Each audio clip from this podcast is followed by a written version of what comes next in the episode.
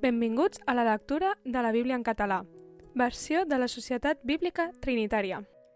Gènesi 8 I Déu es recordà de Noé i de totes les bèsties i de tot el bestiar que eren amb ell a l'arca. I Déu es recordà de Noé i de totes les bèsties i de tot el bestiar que eren amb ell a l'arca.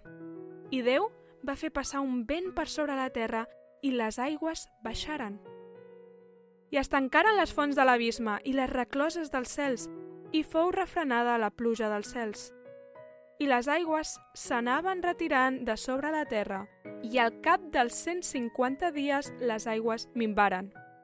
Al mes setè, el 17è dia del mes, l'arca reposà sobre les muntanyes d'Ararat, i les aigües continuaren minvant fins al mes desè. El dia primer del mes desè va aparèixer als cims de les muntanyes i esdevingué, al cap de 40 dies, que Noé obrí la finestra de l'arca que havia fet.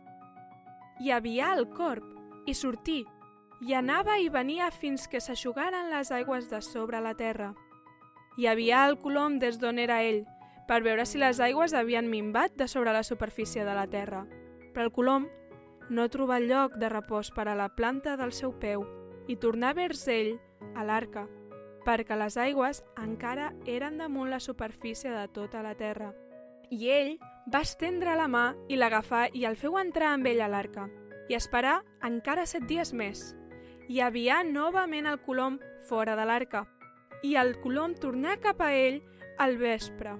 Eus aquí duia al bec una fulla tendra d'olivera, i Noé va conèixer que les aigües havien minvat damunt la terra i esperar encara set dies més, i havia el colom, i ja no tornà més a ell. I esdevingué l'any 601 de la vida de Noé, el dia primer del mes, que s'aixugaren les aigües damunt la terra. I Noé tragué la cobertura de l'arca i mirà.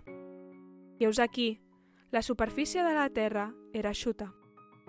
I el mes segon, el dia 27 del mes, la terra s'havia secat.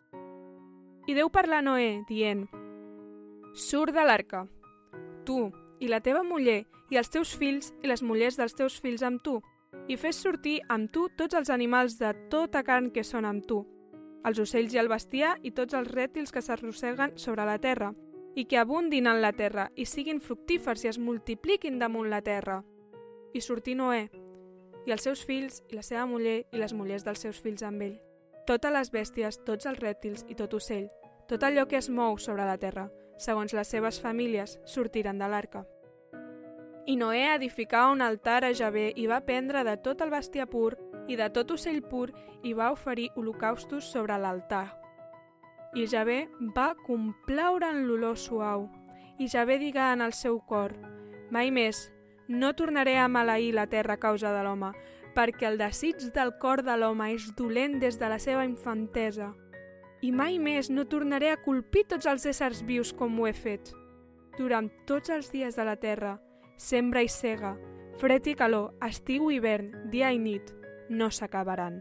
Gràcies per escoltar amb nosaltres la lectura de la Bíblia. Això ha estat la lectura de Gènesis 8.